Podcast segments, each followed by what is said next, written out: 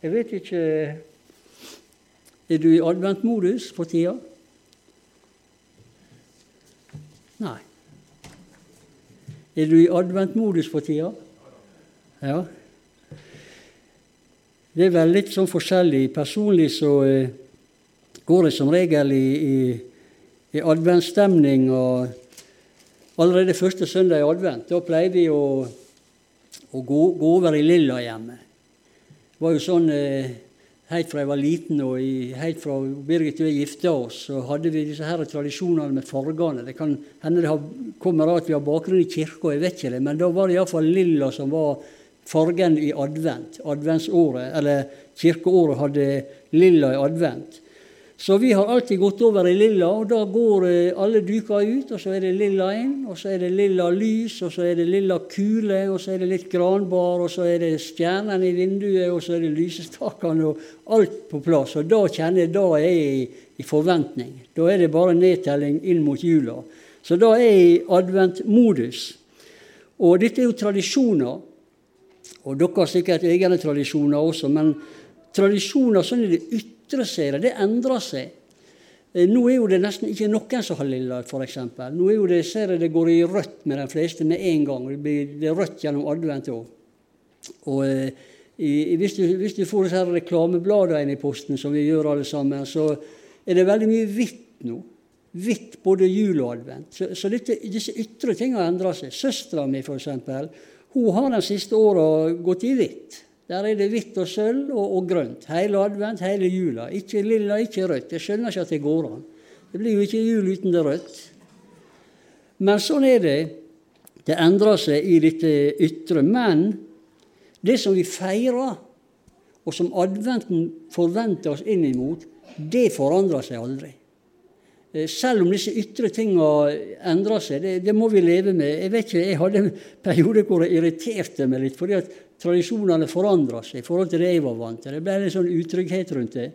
Men eh, vi har funnet ut at det, tradisjoner endrer seg hele tida, egentlig. Når jeg var guttunge, så var jo det også helt annerledes enn hvordan det var to generasjoner før der igjen. Så det endrer seg i det ytre, men det vi feirer, det er det samme hele tida. Det har vært sånn i et par tusen år.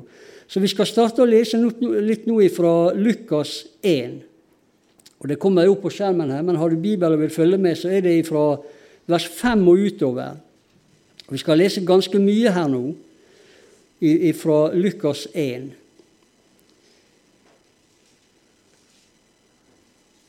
I Jesu navn. Vi ber litt før vi leser. Herre, vi takker deg for at vi får ha disse ukene nå i forventning inn mot jul, Herre, og vi skal feire at du ble menneske, Herre. At ditt første komme, og at det til dere i dag en frelse er født, Herre. Det er fantastisk. En ny tidsregning starter når du kom, Herre. Og Nå er vi i disse dagene i forkant, og nå ber vi om at du skal rette tankene og hjertet vårt mot det, Herre, og mot det som er en riktig og sunn forventning inn mot ditt komme. Nå åpner vi hjertet vårt for det og ditt ord i Jesu navn. Amen. Og da leser vi sånn I de dager da Herodes var konge i Jødeland, var det en prest eh, ved navn Sakarias. Han var av Abias skifte, og han hadde en hustru av Arons døtre, og hennes navn var Elisabeth. De var begge rettferdige for Gud, og de vandret ulastelig i alle Herrens bud og forskrifter. Men de hadde ikke barn, for Elisabeth var ufruktbar, og de var begge kommet langt ut i årene. Men det skjedde mens han gjorde prestetjeneste for Gud, da raden var kommet til hans skifte, vaktturnusen, kom til han, at det etter prestetjenestens sedvane falt han å gå inn i Herrens tempel og ofre røkelse og hele folkemengden sto utenfor og ba i røkofferets stund. Dette, dette, her er, dette, her er, jo noe som de hadde gjort i, fra alminnelige tider. og Disse her vaktskiftene ble faktisk satt opp helt tilbake i Davids tid. Det var når David var gammel og Salomo skulle overta, at uh, David skapte en forordning for at det skulle være lettere for prestene. Og eh, Jeg har også lagt merke til at i krønikebøkene eh, og og når de gjorde tellinger over, over Levi-folket som tok vare på prestetjenesten, så var det kolossalt mye folk som, som betjente i tempelet. Denne stammen hadde over 30 000 menn i sånn arbeidsfør alder. Og jeg lurer på om ikke det står at 24 000 av dem gjorde tjeneste, tjeneste i tempelet. Det er jo helt formidabelt. Og eh, Derfor så gikk de i vaktskift. og de, Det står også en plass at de hadde et sangkor på 4000 sangere. Så det var ikke småtteri, altså. Masse folk var i aksjon og hadde disse her tjenestene. da. Og eh, så så jeg i, eh, Det tror jeg sto i denne siste oversettelsen til Bibelselskapet, i en sånn fotnote, at dette her med, med, med å ofre røkelse, det var noe som tilkom en prest kanskje bare én gang i livet. Og det var sett på som en stor ære å få, å få bære frem røykofferalteret. Og når han først gikk inn i, når Hanna Skifte gikk inn i røykoffertjenesten, så hadde han den tjenesten i ei uke. Og han ofra det to ganger for dag. På formiddag og på kveld. Og Det var det, det, var det som Sakarias var kommet til nå. Han skulle stå foran dette aller helligste. Røykofferalteret var jo plassert rett foran forhenget der. Og, og det var jo Forhenget lå jo der for å stenge veien til Gud. og Det var ikke noen adgang til Gud sånn som vi har det under nådens tid i dag. Men han sto der og, og ofra røykelse. Så står det at folket sto på utsida og ba. Og Det er veldig, også et veldig sterkt bilde som tegnes her, av at folket hadde ikke sjøl direkte adgang til Gud.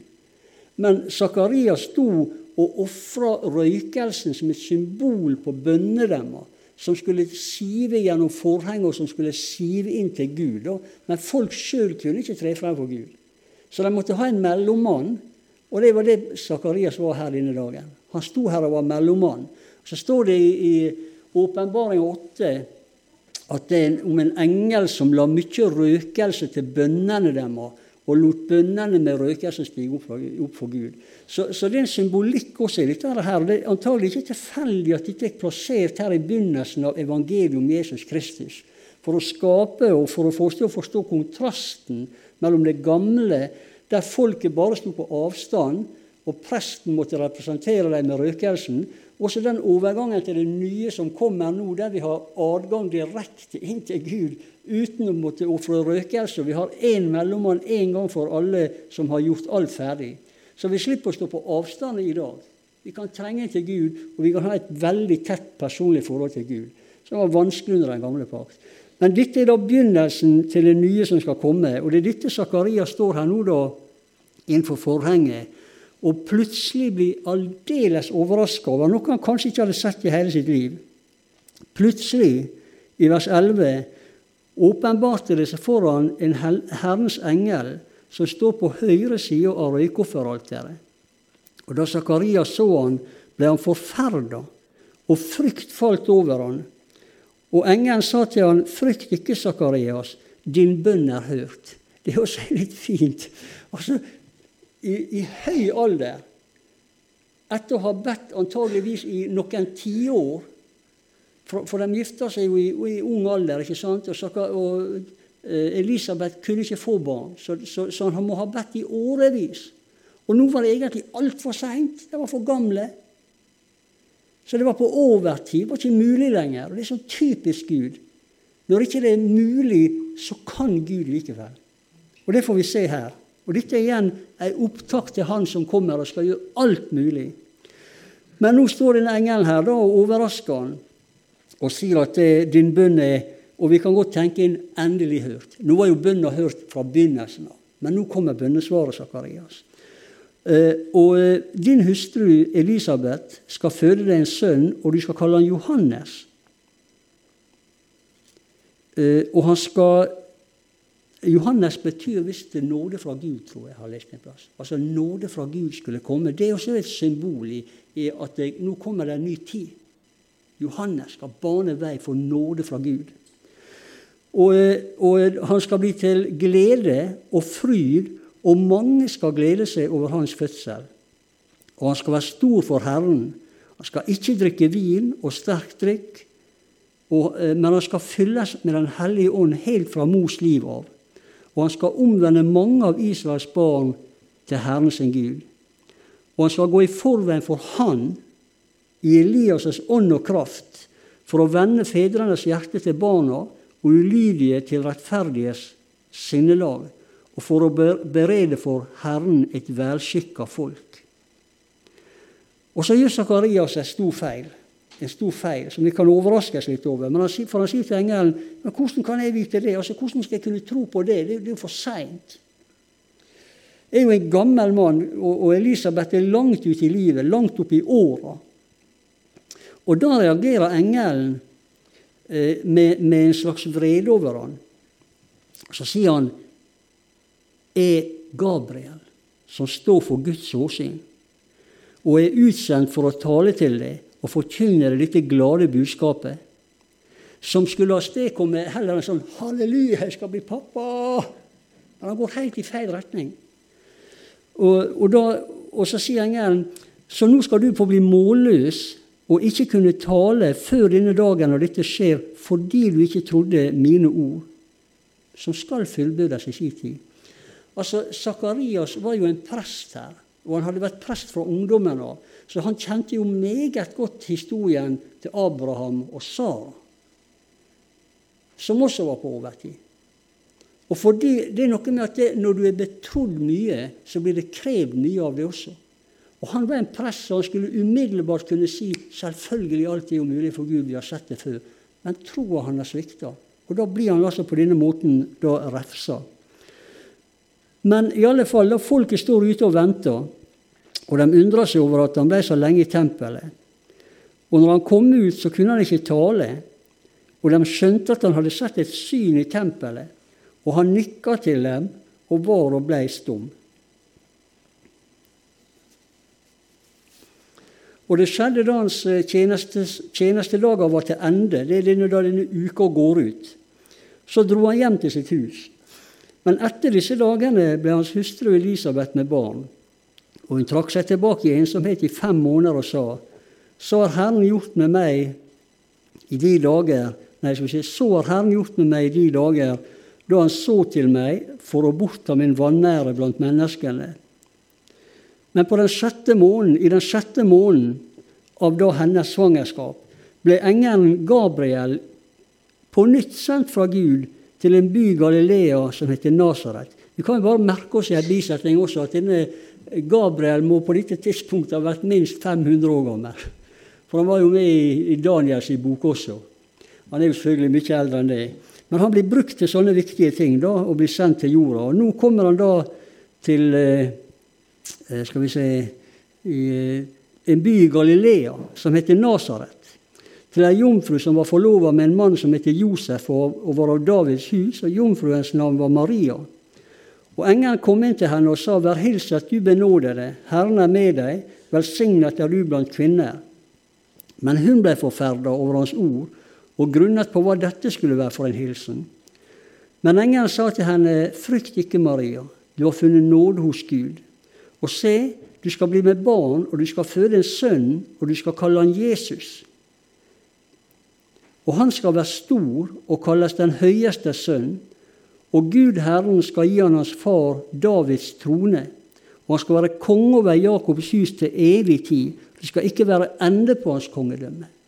Og vi, vi vet jo i oppfyllelsens lys at dette var i en togang. Han skulle først komme, og så skal ved hans andre komme, så skal det siste oppfylles.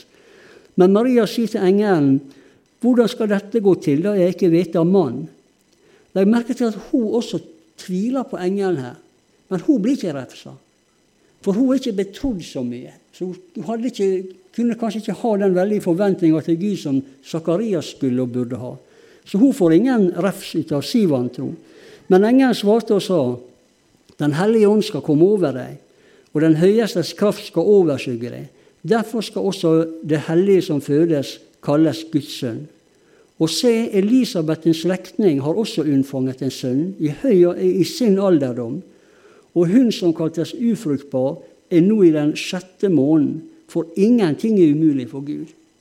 Det er jo fantastisk budskap, dette her. Ingenting er umulig for Gud. Og Det står en annen plass også alt er mulig for Gud. Da sa Marias, da sa Maria, se, jeg er Herrens tjenerinne, meg skje etter ditt ord. Da skiltes engelen fra henne. Men Maria sto opp i de dager og skyndte seg til fjellbygdene, til en by i Juda. Og hun kom inn i Sakarias sitt hus og hilste på Elisabeth. Og det skjedde da Elisabeth hørte Marias hilsen, da sprang fosteret i hennes liv, og Elisabeth ble fylt av Den hellige ånd. Og hun ropte med høy røst og sa, Velsignet er du blant kvinner, og velsignet er ditt livs frukt. Men hvordan har det seg at min Herres mor kommer til meg? For se da lyden av din hilsen nådde mitt øre, sprang fosteret i mitt liv av fryd. Og salig er hun som trodde, for fullbyrdet skal det som er sagt henne av Herren. Da sa Maria, min sjel opphøyer Herren, og min ånd fryder seg i Gud min frelser. For han har sett til sin tjenerinnes ringhet. Og se, fra nå av skal alle slekter prise meg salig, fordi han har gjort store ting med meg. Og mektig og hellig er hans navn. Og hun, nå i denne fylden og flyten av Den hellige ånd, så har disse to damene antagelig en fantastisk bønnestund sammen og priser Gud. Og Maria bare fortsetter. Og hans miskunn er fra slekt til slekt over dem som frykter han. Han gjorde veldige verk med sin arm. Han avspredte dem som var overmodige i sitt hjertes tanke. Han støtte stormenn ned fra høysetet og opphøyde dem små. Hungrige mette han med gode gaver, rikmenn lot han gå bort med tomme hender. Men han tok seg av Israel sin tjener for å komme sin miskunn i hu, slik som han talte ved våre fedre mot Abraham og hans ett til evig tid.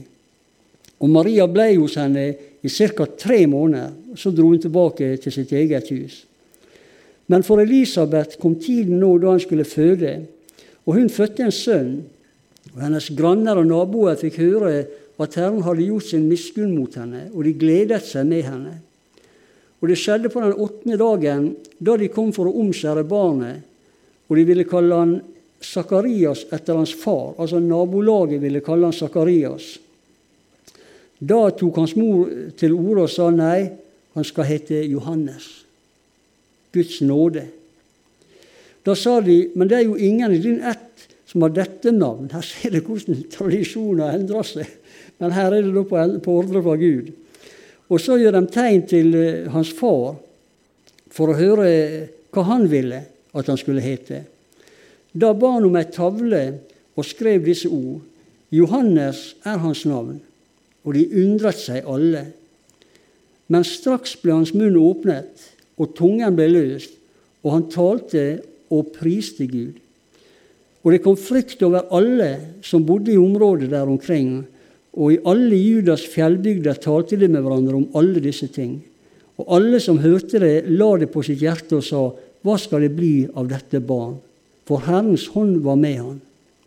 Men hans far Sakarias ble fylt av Den hellige ånd, og han talte profetiske ord og sa, Lovet være Herren Israels Gud, Han som så til sitt folk og forløste det, og han oppreiste oss et frelsens horn i sin tjener Davids hus. Da merket til at det dette er jo ikke kommet ennå. Jesus var ikke født ennå. Men han, han har en profetisk bønn der han ligger i forkant av det, som om han ser tilbake på det og, og forstår hva som har skjedd. Eh, som så til sitt folk og forløste det og oppreiste oss et frelsens horn i sin tjener Davids hus. Slik som han talte gjennom sine hellige profeters munn fra tidligere dager. En frelse fra våre fiender og fra deres hånd som hater oss, for å gjøre miskunn mot våre fedre og komme sin hellige pakt i hu den ed som han hadde sverget Abraham, vår far, for å fri oss fra våre fienders hånd og gi oss å tjene Han uten frykt i hellighet og rettferdighet for Hans åsyn alle våre livs dager. Men også du barn, og nå snakker han om Johannes, skal kalles den høyestes profet. For du skal gå frem for Herrens åsyn for å rydde hans veier. Og han skal lære sitt folk frelse og kjenne ved sine synders forlatelse. For vår Guds miskunnlige hjertelags skyld, som lot soloppgang fra det høye gjeste oss. Det er også veldig fint, dette som han her profeterer inn i fremtida, om at han skal lære folket frelse å kjenne ved at syndene blir tilgitt. Det var jo sånn på denne tida her at Israel hadde en lang historie med frelsere. Det var ikke nytt akkurat det. Moses var jo en frelser som frelste dem fra Egypt og Noah på sett og vis også, som frelste mange fra flommen, og Josva som frelste dem inn i landet, og konger og Gideon og flere som hadde vært frelsere.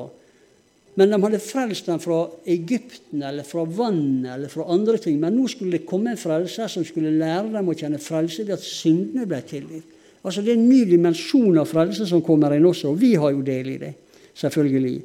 Eh, og i 79 for å lyse for dem som sitter i mørke og dødsskygge, og for å styre våre føtter inn på fredens vei. Men barnet vokste og ble sterkt i ånden, og han var i ødemarken helt til den dagen han skulle føres frem for Israel. Det var en lang tekst. Og nå skal jeg preke i fem kvarter. Det blir et langt møte. Nei da, det skal jeg ikke gjøre. Eh, det er sånn at jeg, jeg har et hjerteforhold til både advent og jul. Det er jo fordi vi er frelst. Det, det endrer seg jo når jeg ble frelst. Advent og jul ble noe helt annet. Nå har det en, en dimensjon, et innhold, som ikke var der tidligere. Og jeg satt for noen år siden Jeg var da pastor eh, tror det var disse åra jeg var i Volda. Etter de åra la jeg merke til i avisene at allerede i september så kom det annonsering og artikler hvor, hvor ordet jul var nevnt. Eh, så tidlig så var det sånne ting som at husk å bestille juletog hvis du skal hjem til jul. Eh, julefly. Det var sånne ting som at hvis du vil være med på julecruise, så må du melde deg på nå. Og Allerede så tidlig så begynte dette juleordet å bli nevnt. Og Så la jeg merke til, eh, og så reagerte jeg litt, for jeg tenkte det var noe veldig tidlig. Men så la jeg merke til fra måned til måned så dukka dette juleordet opp igjen og igjen. I mange sammenhenger. Og det året så tok jeg for moro skyld og skrev ned alle disse juleordene som jeg fant helt fra september og langt inn til, til opp i jul. Og tro det eller ei, men, jeg har ikke den lista nå, men jeg fant 84 ord i norske annonser eller artikler som alle brukte ordet jul i en eller annen sammenheng. Og det var sånn, sånn som jeg nevnte, da, juletur, julekrus osv. Og så begynte det å, å bli snakk om eh, juleklær, julekjole, juledress, juleslips. Eh, det var juledram, det var juledrømmer, det var julestemning. Eh, og så ble det sånne, sånne ting som julesjokolade, julemarsipan, julesnop, julemiddag, juleribbe, julemat, jule osv. 84 ganger. Hva jeg sier. Ikke ett av dem hadde et kristent innhold. Alle brukte ordet jul, men ingen av dem hadde noe med det egentlige julebudskapet å gjøre. Det var ikke ord som julekrybbe, det var ikke ord som juleevangeliet. Det var ikke ord som julebudskap eller sånne ting. Men det var, det var, all, det var hele denne enorme, svære ramma som er blitt så stor at selve bildet er i ferd med å bli borte. Har dere sett når ramme er så overdådig at du nesten går glipp av bildet? Du ser bare ramma. Hun Birgit en gang for mange år siden. Hun lagde et bitte, bitte lite silkemalingsbilde det var ikke mer enn 2-3 centimeter. Og så lagde hun ei vanvittig ramme, kjemperamme rundt. Og, dette, og den ramma var sånn gullaktig. Hun var jo helt formidabel. Men bildet var jo ingen som la merke til bildet, men alle så å, for ei ramme. Så ramma ble for stor og tok helt lyven fra bildet. Og det er det som jeg syns skjer i, i, mye av samfunnet vårt i dag også. Ramma rundt jula blir så vanvittig at selve jula blir borte i det, det, det egentlige budskapet. Og Jeg så også at det, det på Sørlandssenteret, og dette ligger jo midt i bibelbeltet, og dette er også noen år siden, så sto det i avisa om en som hadde vært inne og ville ha et kristent julekort med et jule, kristent julemotiv. Han hadde ikke funnet et eneste kort på hele Sørlandssenteret. Det er stort med et kristent julemotiv. Det var bare kort med julenisser og sne og ski og trær og alt det der. Og så hadde han spurt på en butikk der hvorfor, hvorfor fins ikke det jule, altså kristne motiv på korta? Og Da fikk han bare det enkle svaret det er rett og slett ikke etterspørsel etter det. Så det lønner ikke seg for å, å ta det inn. Så, men vi, vi, har alt, var masse kort. Men dette lille med, med, kristent innhold, det var borte. Så det er noe med at det, samfunnet vårt i dag er nesten i ferd med å gå villfaren i forhold til hva jul egentlig handler om. Og Derfor syns jeg det var veldig flott. Og jeg ser folk har lagt ut på Face og Og det har stått i avisa om, om han hadde presten ute i kirka på Moa som gikk inn, på, inn til senterlederen og fikk lov til å sette opp ei krybbe midt på kjøpesenteret i, i, i, full størrelse der, med, med, Jesus og Josef og Maria og oksen der og asen sto. Alt dette står nå utstilt. Jeg har ikke sett det fysisk ennå, men jeg har bare sett disse bildene ute på Moa en eller annen plass. Det så ut som om det var på Moa Nord, kanskje, ut fra bilder i butikkene i bakgrunnen. Men jeg syns det er fantastisk at han tar det initiativet midt inn i jula og setter opp så tydelig på et svært kjøpesenter hva jula egentlig handler om. Ikke bare det, men han fikk lov til å gjøre det også for senterledelsen. Det virker som om det hadde vært positivt. I dag er jo det dette her med nøytralitet alle plasser. vet Du Du skal jo ikke verken krenke eller vekke anstøt eller noen ting lenger. Men det var helt fantastisk at de hadde fått lov, og at han tok initiativet. Så ble det et samarbeid mellom kirka og Pinsekirka, hvor de nå har stilt ut julebudskapet midt i senteret. Jeg syns det er veldig flott. Og jeg, jeg ser gjennom åra at det er viktigere og viktigere at vi som er kristne iallfall holder fokus på hva jula egentlig handler om. Og Jeg har sagt det eh, de siste årene jeg var pastor også, menigheter som jeg har, som jeg har besøkt, at når julekvelden kommer, så må vi alltid lese juleevangeliet før vi, i det vi setter oss til å spise. Vi må alltid lese juleevangeliet. Det må vi gjøre for våre skyld som er voksne. Vi må ta vare på hva dette egentlig er. Og vi må ikke minst gjøre det til barna, som møter det lite i samfunnet ellers, og til barnebarna osv. Vi må alltid lese juleevangeliet hjemme. Det må vi gjøre til en tradisjon. Det gjør de fleste. Men jeg bare minner på det, og jeg oppmuntrer til det. Juleevangeliet må leses på julaften. Det er det som forandrer hele jula, skaper det innholdet som hun skal ha. Og Johan Falkberget, som var en, eh, en forfatter, rørosforfatter, og som skrev mange av disse her eh, eh, Ann Margrit, som har blitt filma, og Markens grøde, og mange som er kjente verk. Han var også personlig kristen. Og han skriver en plass eh, som jeg leste for noen år siden, det også, at det, hvis den julekvelden kommer da ingen mer leser juleevangeliet, vil den mørke og evige natt senke seg over landet. Det er viktige ord, altså. Juleevangeliet hører jula til. Det må leses. Det er kjerna i evangeliet. Vi skal hoppe inn i et vers som vi leste her, i Lukas 1, 34. Og dette er jo en hovedsak i det vi feirer. Eh, Maria sa til engelen hvordan er dette mulig? Jeg kjenner jo ikke til mannen. Men engelen svarte henne og sa, Den hellige ånd skal komme over deg, og Den høyestes kraft skal overskygge deg. Derfor skal også det som fødes, kalles Guds sønn. Dette med jomfrufødselen det er jo noe av det som, som har blitt utledd, og som folk fnys av, og folk går imot, og liberalteologer går imot og skal skrive om disse skriftstedene og, skriftsteder og få det til å bety at det var bare dette, dette ordet jomfru menes bare at det var ei ung kvinne. Det er ikke noe mirakuløst i det og sånne ting. Men det er helt tydelig at det er det her mirakelet ligger. At Gud på en overnaturlig måte planta en sæd i Maria som gjorde at det som ble født, var Guds sønn. Det er mirakelet. Og Det at unge kvinner har blitt med barn og født barn, det har jo skjedd i uminnelige tider, men det er jo ikke noe mirakel. Det er ikke noe tegn, og det er ikke noe Guds sønn som ligger i det. Men denne umuligheten gjør juleevangeliet til noe helt annet. Og Det er helt tydelig også i utleggelsen som evangelia gir, at uh, hensikten og meninga med dette er ikke at hun var ung, men at hun var uten mann. Det er det som er selve julemirakelet.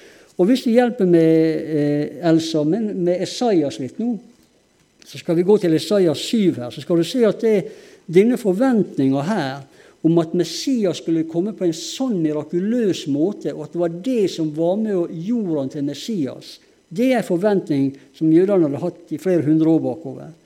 Og Det starta i Esaias 7, når, når Akas er livende redd fordi det er to konger som har samla seg mot han og vil knuse han. Og, og, så sender Gud Elias eh, Esaias til han da, og sier at det, de skal ikke vinne, du skal ikke være redd. Men han var livende redd. Og så sier profeten at du kan, du kan, få kreve et tegn om du vil, men han hykler og, og backer ut. og Nei, han vil ikke krenke Gud med å kreve tegn og sånne ting. Og Da sier profeten her at det er i vers 14, 7-14 i Esaias. Da skal Herren selv gi deg tegn. Og så går han høyt, høyt over Akas, og høyt over Akas i tid, og er langt inne i et profetisk fremtid. Og dobler denne dimensjonen av tegn, eh, og sier da Se, en jomfru skal bli med barn, og hun skal føde en sønn, og hun skal gjøre navnet Immanuel. Gud med oss. Gud blir menneske. Gud trener midt iblant oss. Og det skal skje gjennom ei kvinne som er jomfru. Og så fortsetter i grunnen denne profetien ut i kapitler videre her, i kapittel 8 f.eks., og fra vers 13 og utover. Og Da får vi et lite innblikk i også hvem er det Immanuel som skal komme. 8.13. Herren herskernes Gud, se på dette her, han skal dere holde hellig, og han skal være deres frykt, han skal være deres redsel. Og han skal bli til en helligdom og en snublestein og en ansiktsklippe. Altså det er Gud sjøl som i denne Manuel skal tre ned og bli et menneske og være midt iblant oss.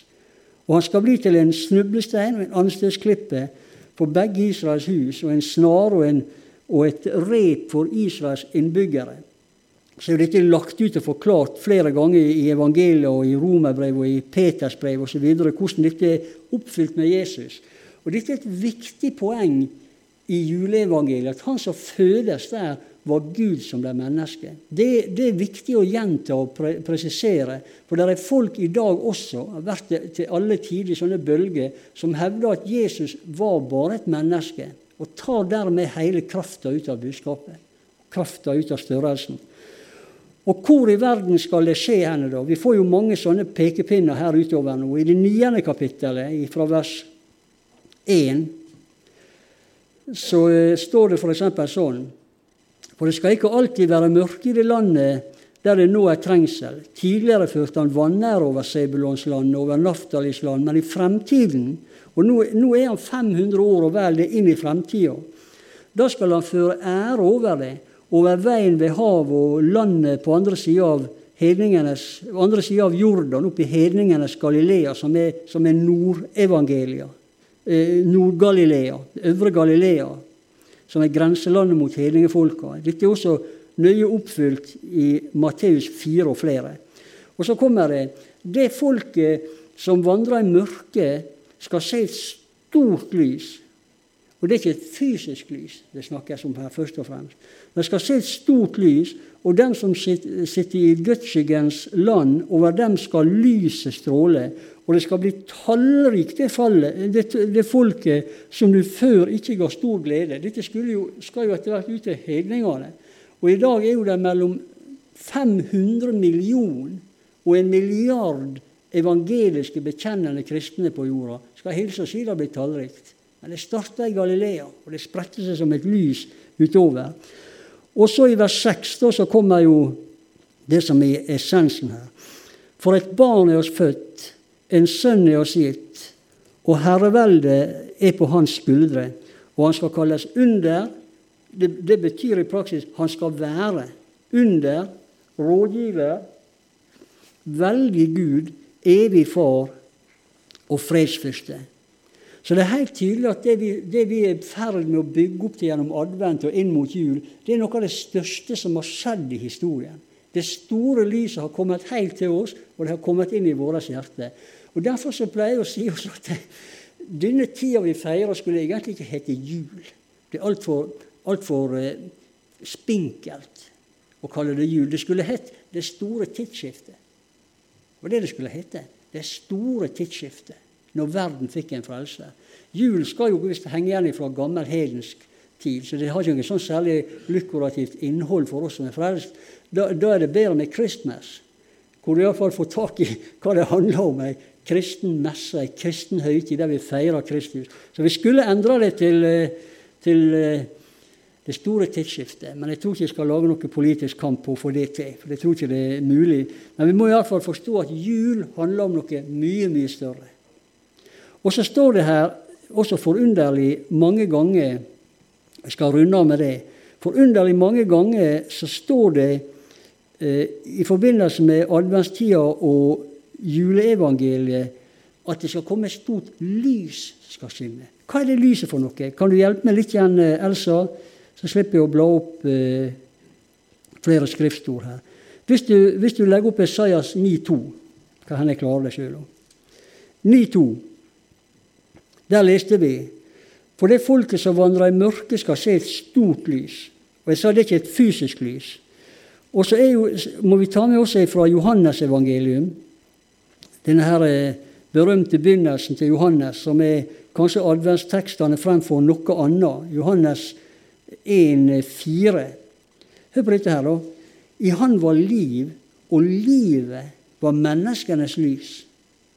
Og lyset skinn i mørket, men mørket tok ikke imot det. Det fremsto en mann utsendt fra Gud. Hans navn var Johannes. Han kom til vitnesbyrd for å vitne om så her igjen, lyset, for at alle skulle komme til troen gjennom han. Han var ikke lyset, men han skulle vitne om lyset. Det sanne lys som opplyser hvert menneske, var i ferd med å komme til verden. Og lenger ute her så sier jo Jesus 'Jeg er verdens lys'. Og det står også i eh, Lukas 2, skal jeg ta med det òg. Lukas 2, 27 til 32. Eh, det er, jo, det er jo, Jesus, det er jo, det er jo Simon, han gamle karen, som kom inn i tempelet drevet av Den hellige ånd.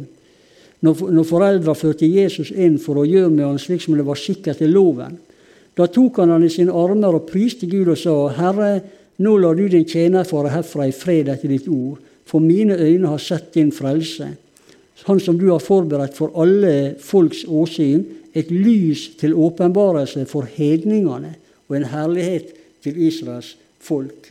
Så, så han skulle bli dette lyset, da, som ikke er fysisk, men han er sjøl lyset. Men dypest sett så tror jeg at dette lyset er det lyset som kommer inn i vårt liv når vi får syndenes forlatelse, og vi blir kvitt mørket og det blir borte fordi Han som er det sanne lyset, kommer inn. Og når det lyset kommer inn, da går mørket ut. Det er så mange eksempel, ikke minst veldig mange sterke vitnesbyrd fra evangeliesenterbevegelsen, hvor folk virkelig har levd i mørket som, som, vi nok aldri har vært ute i, mye av det de har opplevd.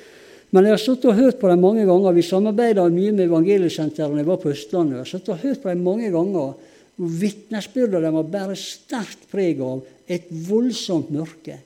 Ufattelig for oss i enkelte tilfeller. Men så kom Han inn, og så ble det lys, og så gikk mørket. Så dette å få syndenes forlatelse og fred med Gud, det er det mest fantastiske et menneske kan oppleve. Og dette er det som må ha fokuset i advent og inn mot jul. Det store tidsskiftet, den nye tida som kom, når vi slapp å stå utafor lenger, sånn som folket men vi kan komme nær til, og vi kan ha et direkte personlig forhold til Jesus. Det endrer alle ting. Jeg husker veldig godt når jeg sjøl ble frelst. Og jeg var jo jeg var jo ikke noe altså Jeg levde ikke noe sånn utsvevende liv. Men det var helt klart mørke der. Og jeg var så redd Gud, jeg visste ikke hva jeg skulle gjøre med enkelte ganger. Jeg var livredd Gud. Det er helt forferdelig å gå og tro på Gud, og så være redd han. Det er fryktelig. Men så rota jeg meg inn på bedehuset, da, som jeg sikkert har nevnt for dere flere, og gikk på fellesmøte og, og fikk høre evangeliet om Jesus. Og bare gikk inn på en sidesal der og inviterte han inn, og så kommer han inn, og så forsvinner mørket. Og da er det klart du, du, kan ikke la være å elske en mann som har gitt deg adgang til himmelen. Det går ikke an å la være. Klart vi elsker han. Og Derfor feirer vi advent, og derfor feirer vi jul i forventning til at det enda en gang skal vi sette fokus på Han som kom og fordreiv mørket. For at hver den som tror på Han, ikke skal gå fortapt, men ha evig liv. Jeg så nå i avisa en av dagene her at det var en, eh, en eh, predikant som ble, som ble mobba av en gjeng med ungdommer idet han gikk forbi dem. Og så var det en som slengte etter han at da, ja, du, du som eh, er predikant, du kan vel fortelle oss hvor langt det er til himmelen, du? Så snur han seg så sier han til han, det er bare ett skritt til. Er du klar til å ta det skrittet? Sånn er det blitt, altså. Det er bare ett skritt, bare én setning unna. Og ved Guds ufattelige nåde så har vi fått lov å ta det, alle sammen. Halleluja.